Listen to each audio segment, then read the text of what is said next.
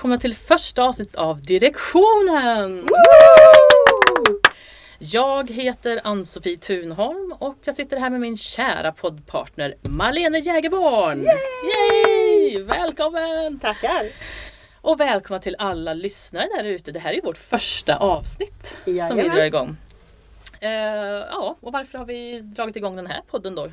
Kan man ju fundera på.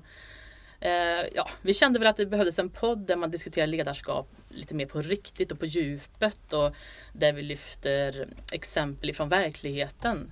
En, en, en podd där man liksom går eh, bortom klyschor och självklarheter. Eh, vi vill prata om riktiga problem, eller hur? Jajamän. Eh, som, som kan dyka upp i vardagen oavsett vilken roll man har i organisationen och så. Eller vad säger du Marlene? Ja, Marlene? absolut. Och vi vill ju liksom täcka in de här mänskliga tillkortakommanden, inte minst våra egna också. Oh, ja. Eh, och titta liksom på hur ser verkligheten ut och hur ser det ut från styrelserum hela vägen genom verksamheten ända fram till kund. Och vad är det egentligen som påverkar vilken organisationsstil vi har runt omkring oss? Och det påverkar ju jättemycket av hur vi upplever vår, vårt arbete. Eh, och, eh, men vi kan väl börja med att berätta hur vi bidrar till en skönare värld utanför poddstudion. Ann-Sofie, om du drar igång och för det var faktiskt din idé att starta den här podden. Hur kom det sig? Ja, det kan man ju fråga sig. Nej, Men, som du sa, man, vi bidrar till en skönare värld utanför podden. låter ju fantastiskt. Jag hoppas vi kan upprätthålla det här också. Absolut. Nej, men det är så här, jag, ehm, jag har drivit många egna företag och jag har varit både konsult och anställd som chef i många olika typer av branscher och sådär. Och idag så jobbar jag som managementkonsult, eh, vilket betyder att ingen vet vad jag gör kan man säga. så då brukar jag säga att jag löser problem. Men då finns det också en risk för att folk tror att jag arbetar som torped eller någonting liknande i den stilen. But I don't make problem go away på det sättet om man säger så. Det gör jag inte. Men så till slut brukar jag alltid säga att jag jobbar med ledarskap och effektiva team. Som eh, alla andra gör i stort sett. Eh, Men jag är även coach och rådgivare och eh, jag författare men jag har hört att man får inte kalla sig författare förrän man har gett ut tre böcker och jag har i alla fall gett ut en bok än så länge. Bravo. Så att, eh, eh, Eh, men Malene, du har ju ett långt förflutet som bland annat ägare och VD. Vad vill du bidra med för erfarenheter i podden och vad har du för bakgrund?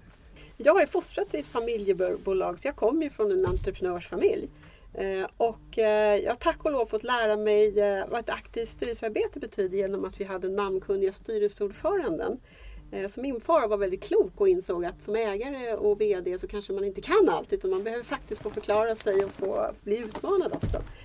Eh, och eh, det var ingen direkt räkmacka när jag klev in efter generationsskifte och driva bolag på många sätt men det var otroligt lärorikt. Eh, och idag så arbetar jag med att utveckla ägare, styrelse och VD.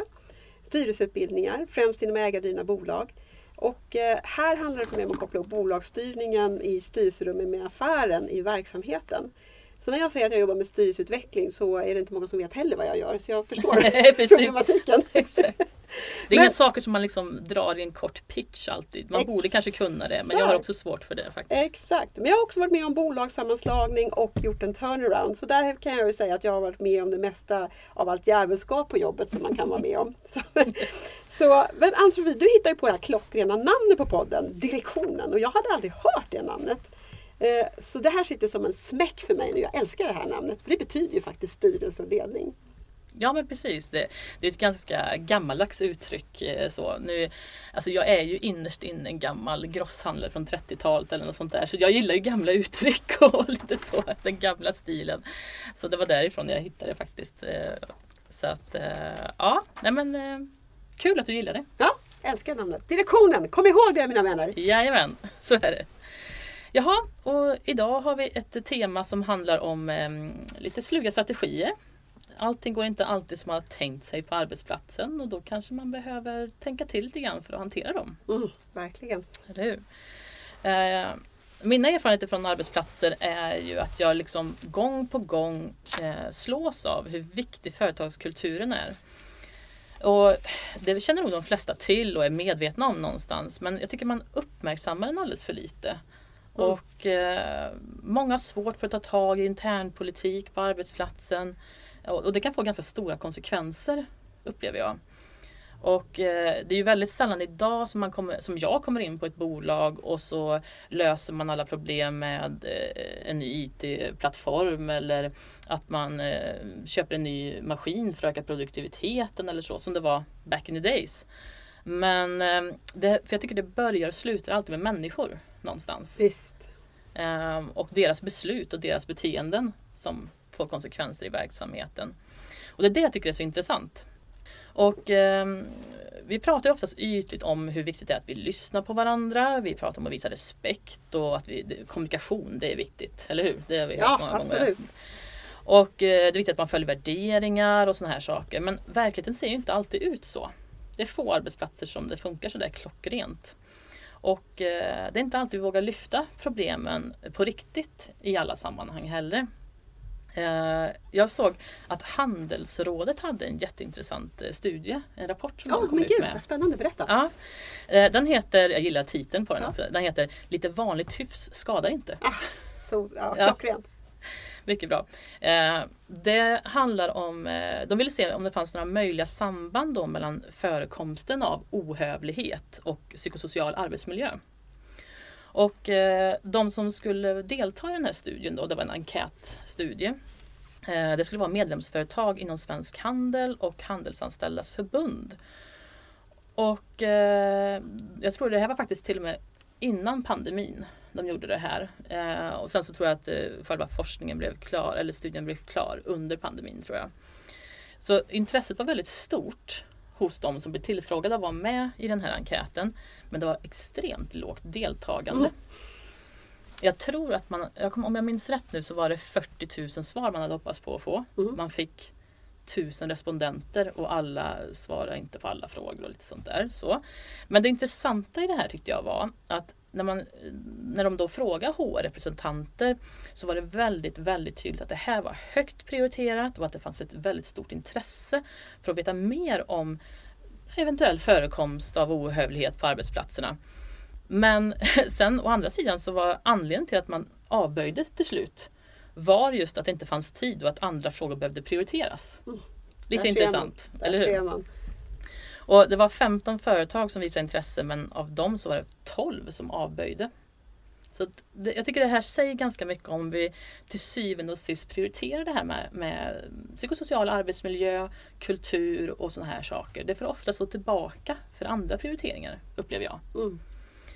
Ehm, jag kan bara nämna också lite grann när vi ändå är inne på den biten att ehm, 78 till 96 procent beroende lite grann på hur man ställde frågan ehm, angav då att eh, de själva eller kollegor eller närmaste chefer betedde sig ohövligt och eh, det var även kunder också in, inblandade också kan jag tillägga. Så att man upplevde ändå att det var ganska mycket Folk var inte så hövliga i Det var en vardagen. väldigt stor andel. Ja, det var väldigt Ja. stor andel. Lite deprimerande så sett. Ja. Så, men vad är dina erfarenheter kring liksom just den här biten med företagskultur och, och så? Ja, det är ju liksom vad jag insett med, med åren så är det ju hur viktigt det är hur vi beter oss. Alltså det som vi skriver i våra, på våra hemsidor med värderingar eller våra vackra powerpoints och allt vi drar. Det har ju egentligen ingen bärighet. Det som har bärighet är ju hur vi beter oss. Mm. Och jag har själv ett, ett eh, exempel där på som jag upplevt i en större organisation. Och eh, hur, hur det kan vara. Där var jag eh, en, en chef och eh, eh, det fanns egentligen ingen chefsnivå över. Man har tagit bort två chefsnivåer över mig så jag rapporterade till tredje nivån över mig direkt. Ah, okej. Och man får ju alltid lite mer respekt ju högre upp man kommer i de här väldigt hierarkiska organisationerna. Då. Eh, Och just i det här fallet så hade vederbörande ett, ett ganska tråkigt beteende och, och det var att offentligt skälla ut eh, mina kollegor, mina chefskollegor Oj, inför andra chefskollegor. Och det här beteendet skapade ju så mycket rädsla och, eh, och det här var ändå en person som var väldigt kunnig. Det var en beundransvärd person på många sätt, alltså väldigt kompetent och eh, föredöme på många sätt, men inte just i det här beteendet. nej. Och det, det kan man ju säga, det liksom skymde ju över allt det andra då som man ville liksom få ut av den här personen istället. Eh, Så, och jag mådde ganska dåligt av det här och se Mm. när det här fortgick. Och, och jag bestämde mig för att jag måste göra någonting åt det här. Jag kan inte, eh, och jag har tränat lite grann i feedback så jag började fundera på om jag inte skulle boka ett feedbacksamtal. Det fanns inte den kulturen med feedback på det här företaget. modigt av dig. Det, det, det krävdes väldigt mycket mod. Jag kan säga att jag var några nätter jag inte riktigt sov så bra innan. Eh, Men jag tog mod till mig, jag bokade mötet och jag kollade först upp att den här personen också för, förstod liksom innebörden av feedback. Vilket, vilket personen gjorde då. Så att jag bokade upp det här mötet och jag kan ju säga att eh, jag var rätt nervös när jag klev över tröskeln. Satte mig och slog mig ner eh, mitt emot. Och eh, jag började med att och egentligen bara berätta hur jag uppfattade den här personens beteende och hur det påverkade mig. Eh, och att jag, att jag istället hade önskat att den här personen hade gjort istället då. Eh, och personen vi, vi, lyssnade och eh, var liksom lugn och sansad där. Eh, jag hade ju liksom ett worst case scenario kan man Ja, säga bra. nästan. Vad, jag, vad som skulle kunna hända. Men personen lyssnade lugnt och sansat och det togs emot bra och effekten blev faktiskt att det här beteendet upphörde. Jaha, det var Faktiskt, inte dåligt. Ja, helt och hållet. Och det var jätteskönt. Eh, vi gjorde ingen stor affär av det mellan oss två emellan utan vi lät det bara vara så. Men, eh, så mitt råd är att eh, om man eh, är, känner sig komfortabel med det, att även med en chef, eh, att eh, använda feedbacktekniken och utgå ifrån sina egen, sin egen upplevelse av den andras beteende och hur det påverkar och vad man skulle önska för annat beteende. För det kan faktiskt resultera i en förändring och det var, det var vad jag lärde mig att det går att påverka också om man eh, är väl förberedd och tar mod till sig. Men absolut, det kan vara oerhört svåra situationer de här givetvis också. Mm. Eh, Men vilka tecken så att du ser brister i företagskulturen Ann-Sofie? Ja, jag har ju laddat upp med en liten lista här men jag vill, måste bara ställa en fråga, Ja, följdfråga på det för jag tyckte det var så intressant. Eh, för att, var det någonting särskilt du tänkte på i det? För det blir ju ändå väldigt lyckat. Det är inte alltid det landar så väl när man tar ett sånt där samtal. Särskilt med sin chef. Man vet aldrig riktigt. Är. chefs, chef. Ja, dessutom så. eh, var det någonting särskilt du tänkte på när du, i dina förberedelser inför? Ja, det var det. Jag eh, var noga med att förbereda, dels att kvalificera att den här personen förstod innebörden Mm. av feedback. Eh, så att, och att vi hade lugnt läge. Eh, och eh, att, för att feedback ges ju som i gott syfte för att hjälpa den andra personen att utvecklas. Så det är ju ingen attack på något sätt. Nej. Utan det är ju, jag berättar om min upplevelse och, eh, och står för min egen upplevelse av det. Eh, och inte refererar till andras upplevelse, utan bara till min egen. Och den andra personen har då möjlighet att eh, genom eftertanke reflektera och fundera, men jag kanske ska byta beteende helt enkelt. Mm. Eh, Så det var det ena, kolla att personen förstod vad, vad feedback innebär. Och sen att eh, använda just att jag, att jag själv var noga med att inte gå på egenskaper utan beteende. Och Just att det. lyfta fram vad jag, vad, jag, vad jag önskade se för annat beteende och vad det faktiskt skulle leda till. För det leder ju till att de väldigt bra kvalifikationerna som den här personen hade blir ju tydligare. Det är ju smart. Så Och lyfta faktiskt smart. att de här sakerna är du bra på. Ja. Vi vill se mer av den Exakt, exakt. kvaliteten. Liksom. exakt. Mm, gud vad smart. Ja. Nej, för det, det där är ju som sagt lite svårt beroende lite grann på vad det Men smart att för, liksom, titta på och se är den här personen mottaglig för feedback och faktiskt gå igenom vad är Mm. min, mina intentions Mm. med det här mötet. Mm. Liksom. Jättebra. Ja, eh, jag tänkte också, eh, apropå just det här med hövlighet, så måste jag bara nämna en grej. Eh, vi går ju miste om så mycket kompetens och utbyte på arbetsplatserna just eh, om vi har om vi har en dålig företagskultur. Jag tänkte bara på en sån liten löjlig grej som hände på vägen hit faktiskt idag på tunnelbanan. Så var det en, en kvinna som satte sig eh, på, på tunnelbanan och sen så ställde hon ner en sån här take away kopp med kaffe bredvid sig på sätet. Mm. Och mitt emot henne satt en kvinna som inte hon kände sedan innan. Och så skulle hon ta av sig ryggsäcken och krångla av sig den. Du vet, sådär. Och kvinnan som satt där och bara Ursäkta ska jag hålla kaffekoppen åt dig? Ja men gud vad gulligt jättegärna så inte den skvimpar ut när tåget börjar röra sig. Eh, och då började de att prata. Och jag hörde att de hade ett jättetrevligt samtal och fick liksom, bägge två fick jättemycket energi och de kände ju inte varandra. Men en sån här liten fin gest av, en gest av hövlighet och, och så gjorde att de började prata och hade ett jättetrevligt samtal eh, resten av eh, tunnelbaneresan. Liksom. Och tänkte så här, vad mycket man går miste om i sitt utbyte med andra människor om man inte gör de här extra grejerna. Bara visa hövlighet kan väcka så mycket hos varandra och i vårt samarbete på jobbet också tänker jag. Och hur mycket, det kan vara bara små saker Ja. i vardagen. Jättesmå som, saker. som sätter igång en snöbollseffekt. Som man aldrig, som man aldrig gått miste om annars. En positiv snöbollseffekt. Ja men verkligen verkligen. Så det tyckte jag var lite kul. Um, men jag har också uh, kikat lite grann, eller gått igenom och tänkt på sådana här saker som jag själv reagerar på när jag kommer in på arbetsplatser och um, jag går ju ofta in och ska göra, hjälpa till med förändringar och sådana här saker. Och då, då är jag ofta väldigt uppmärksam på detaljer på arbetsplatsen som har med företagskultur att göra. Eh, och eh, en av sakerna som, eh, som gör att jag börjar dra öronen åt mig det är när jag märker att liksom företagets regler och policies inte gäller för alla. Mm. Den ja. Mm. Det kan till exempel vara en säljare som att så länge du säljer bra så gör det ingenting om du går över lik eller agerar oetiskt eller så. Bara du bidrar till siffrorna, att de ser bra ut.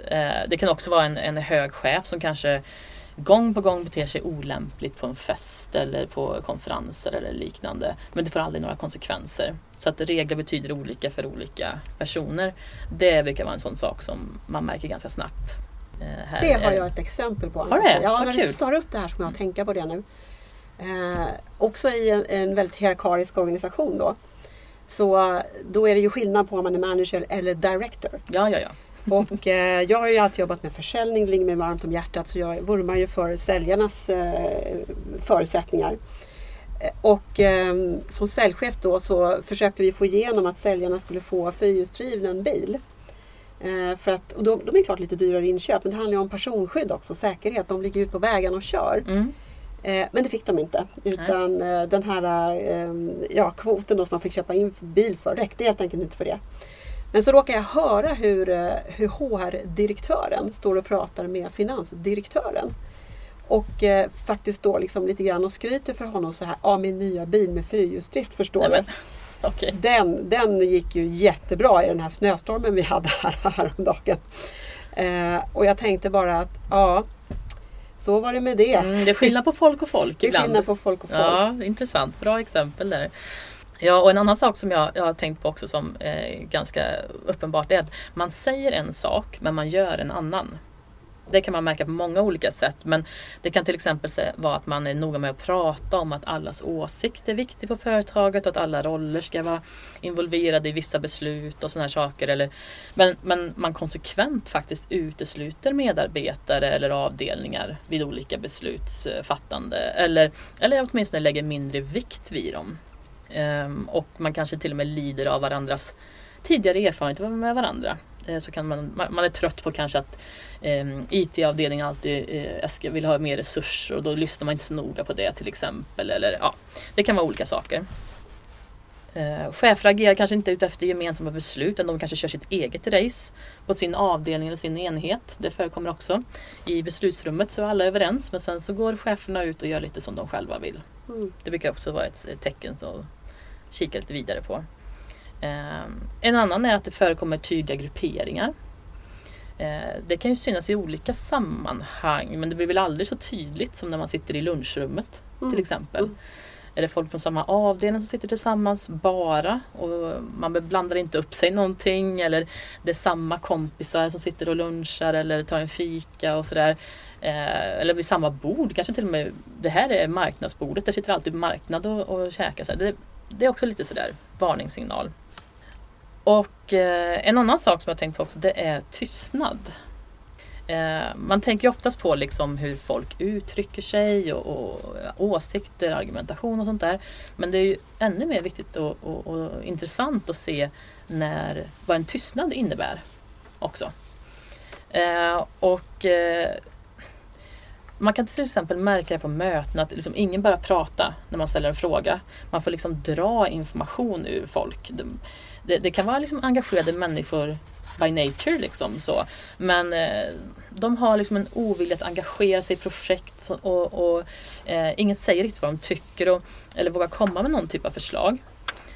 Och eh, skulle det vara så att någon ändå tar steget fram och, och, säger någonting, ja men skulle inte det här kunna vara ett bra förslag eller sådär. Då, då brukar oftast många hänga på för de, ja men det låter jättebra, kör på det, så gör vi. För de vill inte ifrågasätta. Då brukar det också vara något sånt som jag, det tittar jag också mycket på för att det säger också väldigt mycket kring vad har de för erfarenheter sedan tidigare? Har de kommit med förslag som inte har lyssnats till?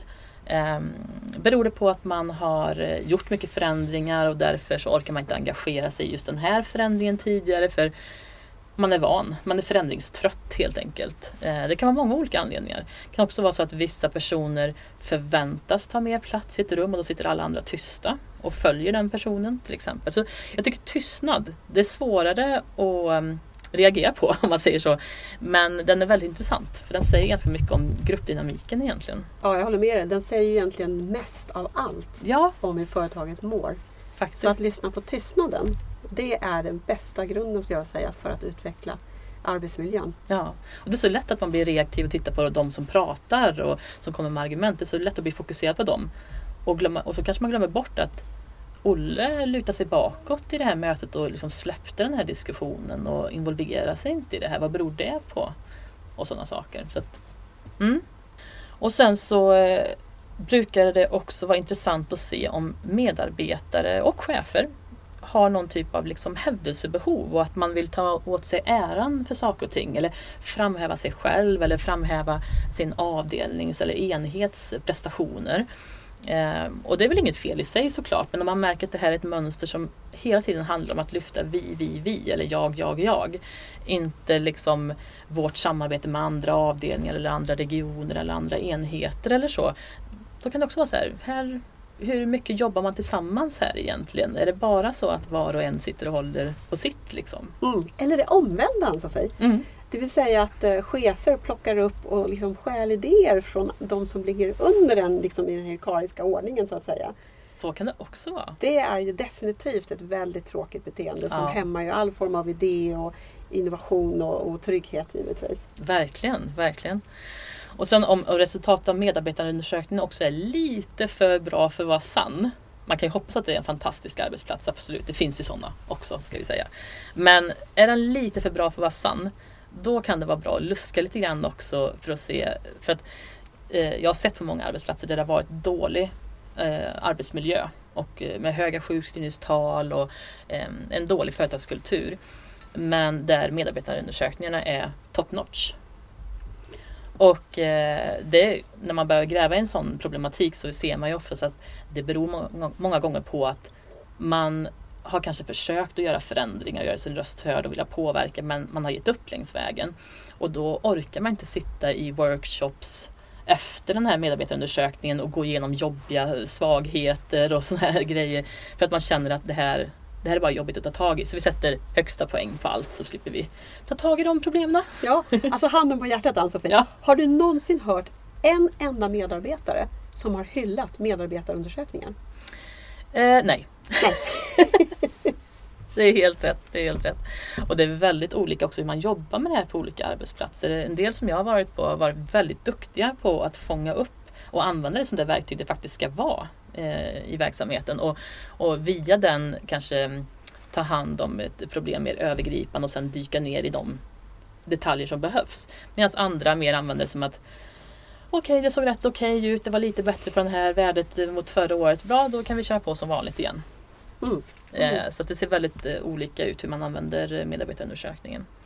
Så det, det jag brukar tänka på, och som jag brukar också ge andra råd om, det är egentligen att liksom iaktta arbetsplatsen. Eh, ställa sig lite grann utan, utifrån och få ett utifrån perspektiv. Oftast är man, man är ju en medarbetare själv, man är delaktig och sådär. Det är lätt att man blir reaktiv på allting. Men försök att ställa dig lite grann utanför och iaktta eh, människor. Vilka premieras på arbetsplatsen? Vilka typer av aktiviteter premieras och ses på med goda ögon? Eh, vilka får information först? Eh, är det vissa röster som är viktigare än andras på ett möte? Och vad beror det på framför allt? Eh, hur agerar folk på mötet? Finns det någon som tystnar som vi var inne på förut? Eh, och varför gör de det? Vad finns det i deras historia som kanske kan vara en anledning till att det ser ut som det gör? Och eh, det tror jag är viktigt för att man ska kunna få bättre förståelse för kulturen och, och politiken på, på arbetsplatsen.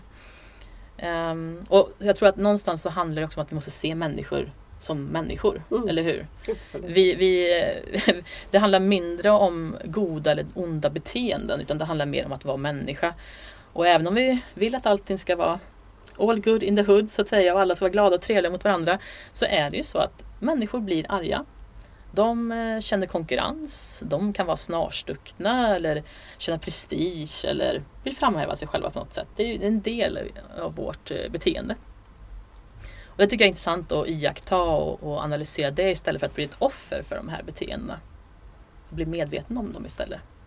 Men visst hade du hade också lite exempel på Ja. lite mer tuffare problem? Alltså, Ja, Ann-Sofie, framförallt jag vill knyta an till det du sa med tystnad. För Mm. att just det här att eh, silence speaks louder than words, det har jag verkligen fått känna på en gång eh, i ett verkligt knepigt läge Eh, när jag var VD och ägare också. Jag eh, skulle anställa en säljare och eh, det var en vanlig rekryteringsprocess. Eh, och ehm, det var, ungefär, det var mer än tio år sedan det här hände. Eh, Det fanns liksom inga alarmklockor på något sätt. Och, ehm, eh, men vad jag märkte var efter att personen kom in i organisationen att det blev väldigt tyst. Och eh, just på den här arbetsplatsen då så hade vi, ja, min far också fostrats utav väldigt i decentraliserat ledarskap så att det var beslut nära kund. Vilket innebär att det alltid var ett ständigt samarbete mellan alla. mm. Eh, Så att det var liksom alltid en löpande liksom, samarbete. Att istället för stora möten så hade vi möten liksom kontinuerligt med varandra hela tiden kan Ja. man säga. Ehm, och, ehm, men först plötsligt blev det tyst. Det var tyst på fikarummen. eh, I Mm. fikarummen. Det var tyst liksom i korridorerna. Det var inte det här korridorsnacket. Och det var liksom så här att jag märkte, och det märkte jag nog redan efter ett par tre veckor som den här personen kom in i verksamheten. Som säljare då. Och eh, jag märkte också när jag besökte, alltså när jag var i administrationen, i ekonomifunktionen att det var liksom inte det här glada leendet som det brukar vara.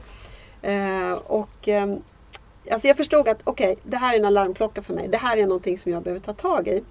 Eh, och eh, jag insåg också att ehm, det hände lite grejer så jag förstod att det här kan vara någon form av beteende som kan vara väldigt farligt för oss. Men jag är, inte, jag är lekman, jag kan inte bedöma det. Så att jag insåg väldigt tidigt att jag behöver hjälp. Jag behöver hjälp för att se. Det skulle faktiskt kunna vara så illa att det var någon med en psykopatisk eh, beteendedrag.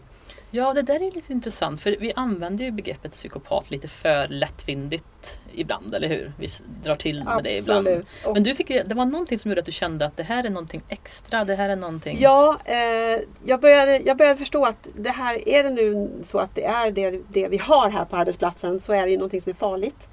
Eh, och eh, efter allt jag liksom fick lära mig den här processen så är jag väldigt försiktig med att använda ordet psykopat därför att det är ingen diagnos, det är ett beteendedrag. Eh, och eh, jag har också fått lära mig att eh, rekryterare kan inte heller se igenom det här. För att en rekrytering bygger på självskattning i, i testerna och det klarar de galant Mm. referenserna är liksom galanta på alla sätt. Så att det, liksom, de kommer igenom, de slinker igenom. Men det som jag förstod väldigt tidigt var att jag, behöv, jag, jag kan inte bedöma läget. Jag behöver någon som faktiskt kan, kan bedöma att vi har det här beteendet i, hos en av våra medarbetare. Så vi kan agera utifrån det då. Mm. Så jag kontaktade en psykolog som var eh, just specialist på verksamheter då och eh, eh, förklarade läget för henne och eh, hon, vi kom överens om att, ja, att hon skulle göra liksom en, en genomlysning av verksamheten och eh, göra in, djupintervjuer med alla anställda. Och, eh, och det är ju så att har man någon som har psykopatiska beteendedrag så kan man inte särskilja den per- personen. Alltså man kan inte låta psykologen bara träffa den personen. Därför att då kan man hamna i en väldigt svår situation. Utan man måste liksom få den här personen att känna sig att den är lugn i båten. Liksom. Jaha, okej. Så Mm. det är en del av den här sluga strategin. Ja, då. det förstår jag då. Man måste liksom, du är det är inte dig vi specifikt är ute efter här, utan vi ska jobba med teamet. Vi ska sätt. jobba med Mm. teamet, vi, det, vi ska jobba med liksom problematiken på hel, från helheten. Då. Så hon gjorde de här eh, intervjuerna och vi träffades när de var klara och hon sa att eh, ja, den här personen har klart psykopatiska drag. Och då förstod jag att läget var liksom red alert, det var allvar. Eh, därför att en sån person kan bli väldigt eh, skadlig, kan bli väldigt farlig. Så, och jag hade redan eh, fått liksom förtäckta hot i, i när vi hade pratat. Så att jag förstod att det det var liksom ett gränslös, det en gränslöshet som Mm. var väldigt alarmerande. Är det någonting du kan dela med dig av eller är det sådär lite känsligt? Ja, det är lite känsligt jag men, förstår. men jag, jag kände ändå att ehm, jag kände mig personligt hotad i sättet som, som han uttryckte sig på och ehm, jag förstod att andra gjorde det också i verksamheten. Så då började vi liksom att utarbeta en strategi för hur vi skulle mer eller mindre bli av med honom. Därför att det är ju så att den enskilda anställda är väldigt skyddad enligt arbetsrättslagen. Mm. Eh, och, eh, så att det går liksom inte på den vägen i princip att eh, komma åt den här personen. Eh, och om personen känner, känner sig särskild på något sätt så kan den bli väldigt våldsam. Och det Just var ju det. det som jag var orolig för. Mm. Eh, Så att eh, vi la upp en strategi som gick ut på att vad är det för miljö som en, som en med psykopatiskt beteende verkligen inte trivs i? Jo, det är ju en miljö där alla är glada och lyckliga och eh, där alla älskar varandra och liksom bidrar. Så säga. Det, det är liksom, det är ju liksom, vad ska man säga, psykopatbeteendets raka motsats. Ja. För beteendet som han bar på det var ju att försöka verkligen söndra och härska och Ja. verkligen liksom slå sönder och trycka ner alla och, och så. Eh, och, och samtidigt göra sig populär där han liksom tyckte kunde vinna på det då. Mm. Eh, men eh, så att jag eh, gjorde helt enkelt så att jag redogjorde. Här fick jag ju gå ifrån en av mina grundprinciper som ledare och det var väldigt transparent. Mm, just det. Det är verkligen en grundprincip jag har. Men i det här läget så hade det kunnat vara väldigt farligt. Därför att det hade kunnat resultera i att han kände sig åsidosatt. Just det. Och det var ju det vi inte fick hamna i det läget då. Så att jag fick helt enkelt göra så att jag förklarade att ja, nu har vi ju haft intervjuer här med samtliga. Eh, och eh, våran eh, psykolog har då kunnat eh, fastställa att det är en person här som känner sig lite utanför. Eh, och det var den här säljaren då. Och, så att jag skulle vilja be alla nu att verkligen lägga manken till. Vi ska hjälpas åt och att, så att så att du också, jag liksom vände mig till honom då, för han var ju Mm. med. Liksom, att, att du känner dig inkluderad och känner dig uppskattad precis som alla andra. Och, och så. Och, ehm, och det här föll liksom i, i, liksom i god jord för att jag hade ju ändå tagit tag i det här och gjort en åtgärd. Mm. Och de kände att det var en process som var på gång i alla fall. Så att eh, de jobbade verkligen hårt och de liksom ropade på honom. Kom nu ska vi fika eller nu ska vi gå ut och äta lunch. Och du vet, de verkligen jobbade på att Ja, honom. Vilket ju gjorde att han, liksom- hans, liksom, hans sluga plan då, den fick ju liksom inte fäste längre. Exakt. Eh, så han blev ju liksom lite bistrare och bistrare kan man säga. Eh, men eh, det fick då den effekten och jag kommer inte riktigt ihåg. Hela den här processen tog ungefär sex månader. Men någonstans efter någon månad där så, så fick jag det här eh, samtalet som jag hade längtat att han klev in under min tröskel och så sa han Ja du Marlene nu, nu ska jag säga upp mig här. Jag har fått ett annat jobb. Och i det läget vill jag ju bara slå frivolter av glädje och Yes. lycka. Ja, men, så- eller hur? Bara! Men det kan man inte göra då. Nej. Utan då får man liksom säga, ja men oj vad tråkigt. Hur ska vi klara bolaget? Hur ska jag klara bolaget utan dig? Det kommer vi aldrig att göra. Ja, Ja, lite grann så. spä på den här. Spä på Mm. då. Så att, eh, men det var en av de lyckligaste dagarna i mitt liv faktiskt när han sa upp sig. Så att eh, planen lyckades. Eh, och, eh, men mitt råd, eh, mitt medskick till, för jag vet att det här är ju tyvärr tragiskt vanligt Ja. att det förekommer. Och det kan ställa till så mycket skada. Eh, jag blev intervjuad av tidningen Personal och ledarskap om det här också. och Jag fick enormt många PM efter det Mm. på LinkedIn. Eh, där, alltså otroligt tragiska situationer. Eh, som också liksom lutar åt självmord för att man har blivit utsatt för det här på jobbet. Ja, ja det är fruktansvärda Fruktansvärt. historier alltså. Men det är ju faktiskt så att det är arbetsgivarens uppgift att ta tag i det här. Mm. Så är det. Däremot så är det oerhört svårt så de flesta duckar och Mm. det får fortgå. Och det är djupt tragiskt. Mm. Eh, Men mitt råd är, lyssna på tystnaden. För där ligger oftast sanningen i att det pågår. Ta tag i det direkt och ta in extern hjälp och utarbeta en strategi för att hantera situationen. Mm. Eh, Det, jag kan inte nog undertrycka allvaret i det. Alltså. Nej, och verkligen en sån här extremt allvarlig situation Ja. också. Eh, Det, och det, det som är intressant också med din strategi här, det är lite grann kill them with kindness Ja, på något sätt. Det var precis, så. Ann-Sofie, det Mm. var precis det. Så.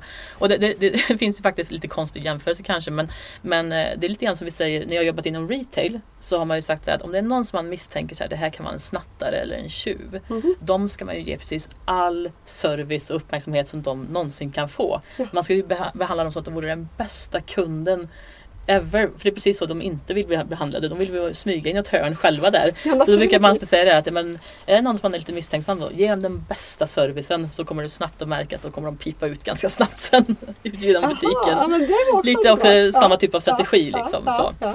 För man vill ju absolut inte För anklaga någon. oönskat Ja, beteende. för ett oönskat beteende. Man vill Ja. absolut inte eh, insinuera någonting. Eller, man ska ju behandla alla på ett gott sätt. Ja, Liksom. precis. Men, de som har, men de som har lite, ja, inte riktigt har rent mjöl i påsen, de gillar ju inte vänlighet eller samarbete eller det här som du var inne på. Nej men precis, visst är Mm. det så. Då, då, det, så att det här uh, treat them with kindness, det är absolut den bästa strategin i det läget. För Ja. då kommer ju deras strategi inte att få fäste i det läget. Exakt, exakt.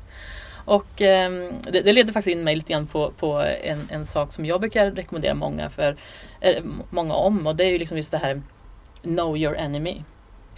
Eh, och när jag säger enemy, det kan ju faktiskt vara en riktig fiende, alltså någon som är allvarligt ute efter att eh, sänka dig eller eh, skada dig på ett eller annat sätt. Men det kan ju också bara vara en, en motståndare, vi har meningsskiljaktigheter om hur det här, vilket beslut vi ska ta eller sådana saker. Eh, men det är någon som är en, en motpart helt enkelt till dig. Eh, och det är ju lite grann det som du var inne på också med just den här psykopaten, att förstå är, vem är det jag har att göra med här Absolut. framför mig. Eh, och i ditt fall så var det, kände du att nej, men det här är någonting mer än bara meningsskiljaktigheter eller en annorlunda inställning till saker och ting. Det här är någonting extra. Så eh, det här är också en klassiker i alla typer av krigsstrategier och liknande att man ska alltid känna sin fiende. Se vad, vad är det för styrkor och svagheter som den personen har. Och jag tänker idag så lever vi ju i, verkligen i förändringens tid. Och allt ska gå snabbt och, och en strategi som förr, förr höll i liksom 20 år, eh, den måste vi ändra efter tre år kanske. Eller ännu snabbare. Eller ännu snabbare i vissa fall. Och eh, Det är lite grann som president Wilson sa, if you want to make enemies try to change something. Så det är lite grann det man behöver tänka på också att när vi går in och gör förändringar då ska vi också vara medvetna om att vi rör runt lite grann i grytan. Och det kan väcka oro och rädslor. Eh, även om man är kommunikativ och allting är till, till bättre, menar att det ska bli bättre i företaget, man gör de här förändringarna, så kan det ändå väcka en hel del eh, oro. Och, och det kan ju vara så att du vill göra förändringar som är helt enligt företagets riktning och strategi och sådär, men det kan ju finnas människor som överlag inte ens gillar förändringar. De vill ha det som det alltid har varit. Men det kan ju också vara så att det finns människor som var med och tog beslut om det som vi jobbar med idag och som kanske ser att det här är lite känsligt för dem. Eh, de kanske inte är så förändringsbenägna som personer och ser att eh, jag menar, de flesta av oss som jobbar som chefer vet ju att det beslutet jag tog igår kanske inte är aktuellt idag. Det måste jag vara ödmjuk nog att inse. Eh, och därför tycker jag man behöver vara extra noga med det när man ska göra förändringar. Att se men vad är det för människor som finns i organisationen? Vad puttrar där ute? För att en förändring kan ju vara av eh, godo såklart. Förhoppningsvis är den ju det. Eh, men det finns personer i arbetsgruppen som ibland kan reagera starkare än vad man hade trott. Och då gäller det om man till exempel är VD eller eh, sitter på en högre position att, att faktiskt känna sin organisation ordentligt. För även relativt små eh, förändringar kan ju faktiskt sätta igång någonting och få liksom grytan att koka över också. Absolut. Så att även välvilliga förändringar och ganska små i förhållandevis ganska små förändringar kan också sätta eh, organisationen i gungning och sådär. Så man behöver verkligen vara medveten om eh, vad som ligger och lurar där ute i verksamheten. Och framförallt Ann-Sofie, om det är så att man har en, en bristande företagskultur från början, alltså att det finns många subkulturer, det finns dåliga beteenden uppe i högre management, då är ju toleransen mycket lägre. Ja för förändringar och av naturen så är vi emot förändringar. Hjärnan säger stopp och nej. Mm. Så är det inte vi själva som kanske driver dem. Men alltså när de kommer på, från ett annat håll då, då är vi oftast eh, eh sätter vi oss emot. Så att, eh, det ligger väldigt mycket i det du sa, att känna sin organisation. Mm. För att få med dem på resan från början också. Mm. Mm. Och identifiera de här orosmomenten och eh, eventuella ifrågasättningar som kan göras kring förändringen. Eh, kanske till och med hitta sabotörer i organisationen. Men också identifiera stabila ankare i verksamheten också. De som är kompetenta och duktiga och kan föra den här implementeringen vidare. Det är också viktigt. Och om man, om, om man har en medarbetare som står emellan två olika läger kanske på arbetsplatsen. Då kan det ju faktiskt vara värt att lägga fokus på att få den personen med på tåget för att då kanske den drar med någon av de andra fraktionerna. Och eh, eh då får man med sig lite eh, en annan typ av människor med på implementeringen som man kanske inte hade fått innan. För det är lätt att välja den här checka, glada, energifyllda människan som alltid tycker det är kul med förändring och alltid vill hjälpa till och sådär oavsett vad det handlar om. Men det är inte alltid säkert att den personen en bra, ett bra sätt att få med sig de andra på. Så man kan ju vara lite strategisk och titta på arbetsgruppen. Vilka har, eh, står lite, har en annan position som kan vara, faktiskt vara nyttig i det här fallet? Ja, och det finns faktiskt eh, forskning som visar att eh, hur, vi, hur vi generellt agerar och tänker just vid förändringar. Då brukar man dela in gruppen och säga att 33 procent kommer att tycka att det är bra. 33 procent kommer att tycka att det är tveksamt. Just det. Mm. Och 33 procent kommer att vara absolut nej. Så att det ligger otroligt mycket i att vinna de som är tveksamma. Att jobba mer kanske med dem för att förklara och, och, och tydliggöra vad det är som ska hända och vad effekten blir. För att om man vinner över dem i, i acceptansen så kommer de att påverka de som absolut sa nej från början. Och att man ska kunna få alla med på tåget, det kan vi nog anse, det är ganska orealistiskt. Ja, det är svårt. Det är svårt. Men kan vi komma lite fram på längden, att vi, mer, mer på det att vi får också de här som är tveksamma från början med på tåget. Då har man ju vunnit väldigt mycket. Mm. Och för det så krävs det en skicklig förändringsledare i toppen som ledstjärna för förändring.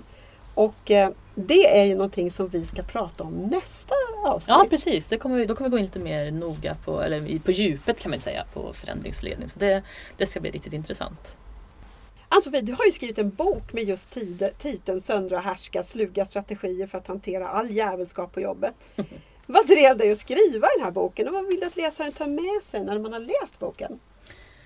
Ja, alltså jag tycker ju att oavsett om man befinner sig på en arbetsplats där man eh, liksom har svårt för att göra sin röst hörd. Alltså det, man, man trivs ganska bra på arbetsplatsen men det är vissa utmaningar man har. Eller man kan ju till och med vara på en arbetsplats där man faktiskt blir orättvist behandlad. Eller man kanske är en chef på en arbetsplats där vissa individer driver liksom en destruktiv kultur som man desperat försöker att vända på. Då vill jag att läsaren ska eh, sluta dräneras på energi och ork och istället acceptera att människor faktiskt är på det här sättet. Vi, vi kan bete oss lite konstigt i grupp ibland. Och istället känna lust och inspiration eh, för att kavla upp ärmarna och liksom, ja, ta ansvar för både sin egen framgång men också för kulturen. Och eh, jag tror att det är viktigt att vi måste våga se på våra egna och andras tillkortakommanden och dåliga sidor och ta dem för vad de, vad de faktiskt är och inte ta det så personligt. För jag, jag har jobbat mycket med rehabilitering tidigare. Eh, och där ser man ju också, det är mycket, alltså vi lever i ett ganska högt alltså stressat samhälle idag. Och eh, det är ju en sak i sig men det är också det som verkligen dränerar folk på energi. Det är ju oftast eh, relationer som inte fungerar på arbetsplatsen, krav som är otydliga, mandat som är otydliga och sådana här saker. Och därför vill jag, jag vill gärna hjälpa andra. Om jag kan, om jag kan hjälpa en person och känna lite empowerment att eh, så här ska jag hantera den här situationen så är jag jättenöjd. Det är väl liksom det som är syftet med boken egentligen. Sen är det så att varje eh, kapitel i boken eh, börjar också med en historia eh, ifrån historien faktiskt. En, en kvinnlig ledare som har gjort någonting intressant och anmärkningsvärt.